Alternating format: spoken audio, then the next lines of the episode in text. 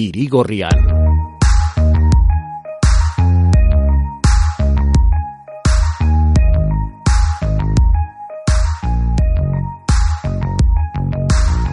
Entzuna dugu, dirua ez den dirua ere badela, zuek ere entzungo zenuten Facebooken libraren berri, bitcoinak eta horiek ere bai. Kontua da orain, txinak iragarri duela bere diru virtual propioa aterako duela.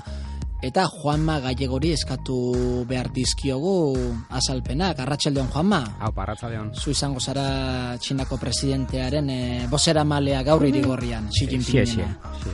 Ematen du nazioartean e, beste lasterketa bat hasi dela, e, zein estatuk duen edo lortuko duen e, moneta virtual e, indartsuena. Hala da, momentuz e, Facebook eta China baino ez dira atera baina oso oso e, zera, eragile handiak dira mundu mundu mailan eta hauek baino ez dira atera momentuz nik uste hau nahiko kontu garrantzitsua delako eta hor e, bueno, bertan bera jar litzakelako hainbat e, oinarrian diren hainbat e, hainbat kontu. Bai finantza sistema e, osoan momentuz China izan da esan bezala bueno, atera den lehen estatua eta dakigula estatu bakarra e, oin artealako proiektu bat e, garatzen ari dena hasiera batean planteatzen zen izan zela, bueno, Facebookek e, iragarria zeukalako libraterako zutela, ba, beraiek e, atera zirela gero txinatarrak eta mm. eta abar, baina ez, e, antza hainbat urte e, daramatzate hori moneta propio virtual hori prestatzen eta nik esango ni, ni zuek ere e, norbaitek atera ahal izan ez gero txina, izango dela. Mm. Zergatik, ba, ezaugarri oso oso bereziak dituelako, vale? Total estatu totalitario bada, badakigu, pizkal leunduta, baina estatu totalitarioa bada.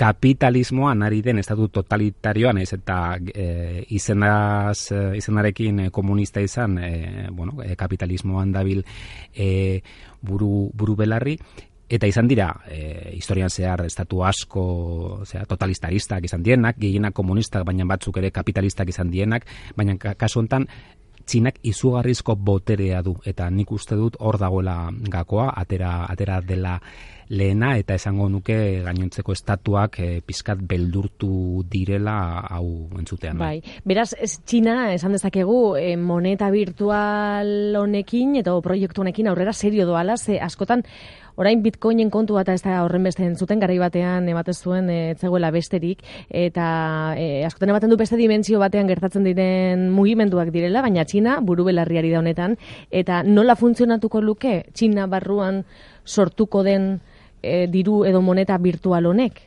Ba, printzipioz eta atera diren informazioen gatik, zeren badakigu bertatik informazioak atera atzen direla bizkanaka, baina informazio horietan oinarrituta, badirudi e, ez dela izango bitcoinaren antzekoa, osea, antza bat bai izango du, baina ez, ez dela guztiz iguala izango, zeren e, joanaren parekoa izango da. Hau oso garrantzitsua da, claro, hau ulertzeko gero hitzein barko dugu bitcoinari buruz, eta ez dakit denborarik emango digun, baina mm hau guztia ulertzeko e, blockchain sistema zer den bai. ulertu, ulertu beharra dago. Momentuz, esan dezagun, e, hartu dutela kriptomoneta berriek, bai Bitcoin, Ethereum eta barrekoek beste bat monetek daukaten abantaia hartu dutela, baina e, babestu dutela estatu handi batek daukan indarrarekin.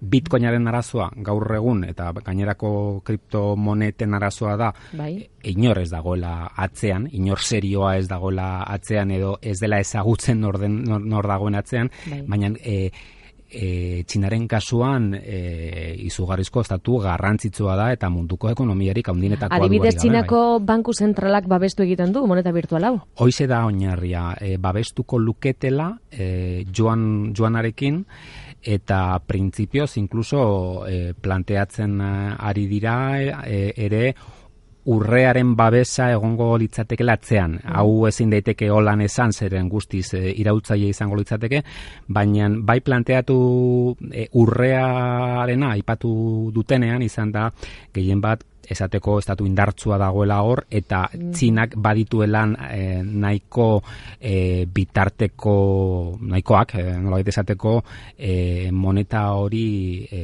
babesteko.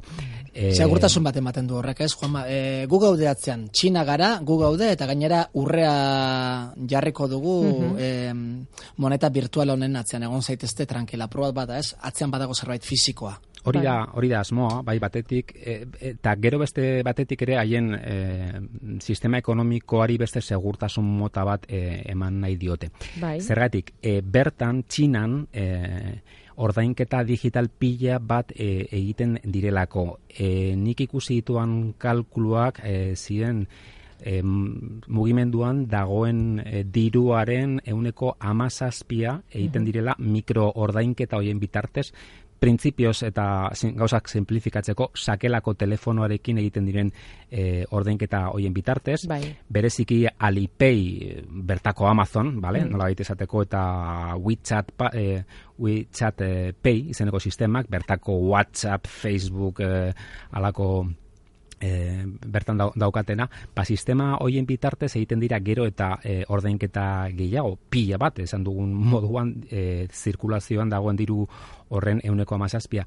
Baina, e, Kau, e, hauek ez dira erakunde finantziarioak, dira enpresa teknologikoak, eta e, horren beste diru eukitzea hor mugimenduan atzean e, banku zentral baten e, babesa izan gabe, haien ekonomiarentzat e, nahiko kontu arriskutsua izan izan daiteke. Naiz Orduan eta... mugimendu aparkatu. Bai, bai, bai. Ez, ez, ez, mugimendua da e, azkenean e, e, zuk esaten zenuen estatu totalitarioaren beste pausu bat, hori ere kontrolatu nahian, ez?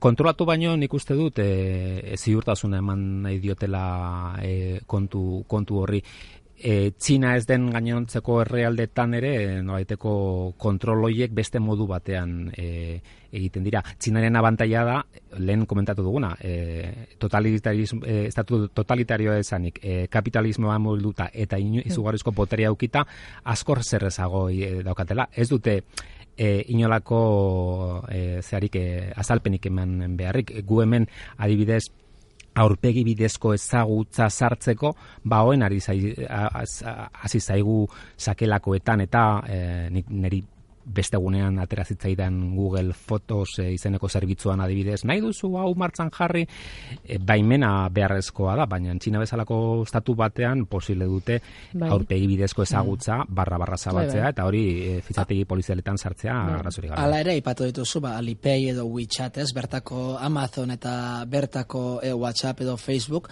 em, moneta virtual hau ere, etxinarako izango litzateke, ala em, guk ere erabilia izango genuke, edo nazioarteko izango litzateke. Printzipioz planteatu duten moduan e, joanaren parekoa. Beraz, joanetan erosiz gero, hmm. posible izango genuke hori hori dabili.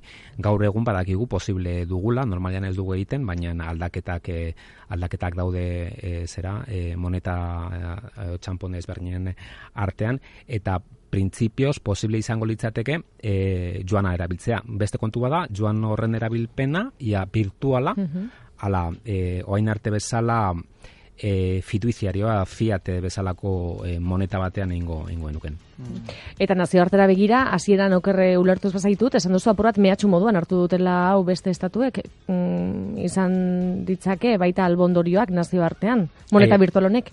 Hala da, bai Facebooken aldetik eta Txinaren aldetik egin diren e, adirazpen hauek, azken finean erakusten dutena e, da, bueno, e, azkena izango dela, geratzen den azkenak ez duela e, izango aukerarik gero aurrera egiteko. Hontan sartuta dago e, txamponek e, horretara joko dute, inolako zeharik gabe, eta e, beste kontua da, e, ezatu bakoitzak eta erakunde bakoitzak nola kudeatu nahi du, baina gaur egun Bitcoin, Ethereum, eta horrelakoen errealitatea argi argia da eta diru izugarri pila mugitzen da. Izenik badauka, e, txinaren e, joan virtual honek, joan virtuala deituko diogu? Momentuz ez diote jarri, e, momentuz ez agotzen da digital currency electronic payment e, izen pomposoarekin, baina azken finean inglesez egindako itzulpen bat da e, moneta horrek adirazten e, duena Espainian izenik ez dute momentuz e, e, nik uste joan digitala izan izango dela. Bueno, Juan, ba, badakizu diruarekin gero zer gertatzen den, eh? E, zorraz begiratzen zaie proiektu hauei, baina kobratzeko baldin bada, e, begionez hartuko dugu eta ordaintzeko baldin bada, ba, e, mesaigu beste gustatuko, eh? Dirua, dirua delako. Geldi ezina da, hori horretan ez dago inolako e, zeri. Juanma Gallego datorren astera arte. Urrengo arte bai. Ondo segi.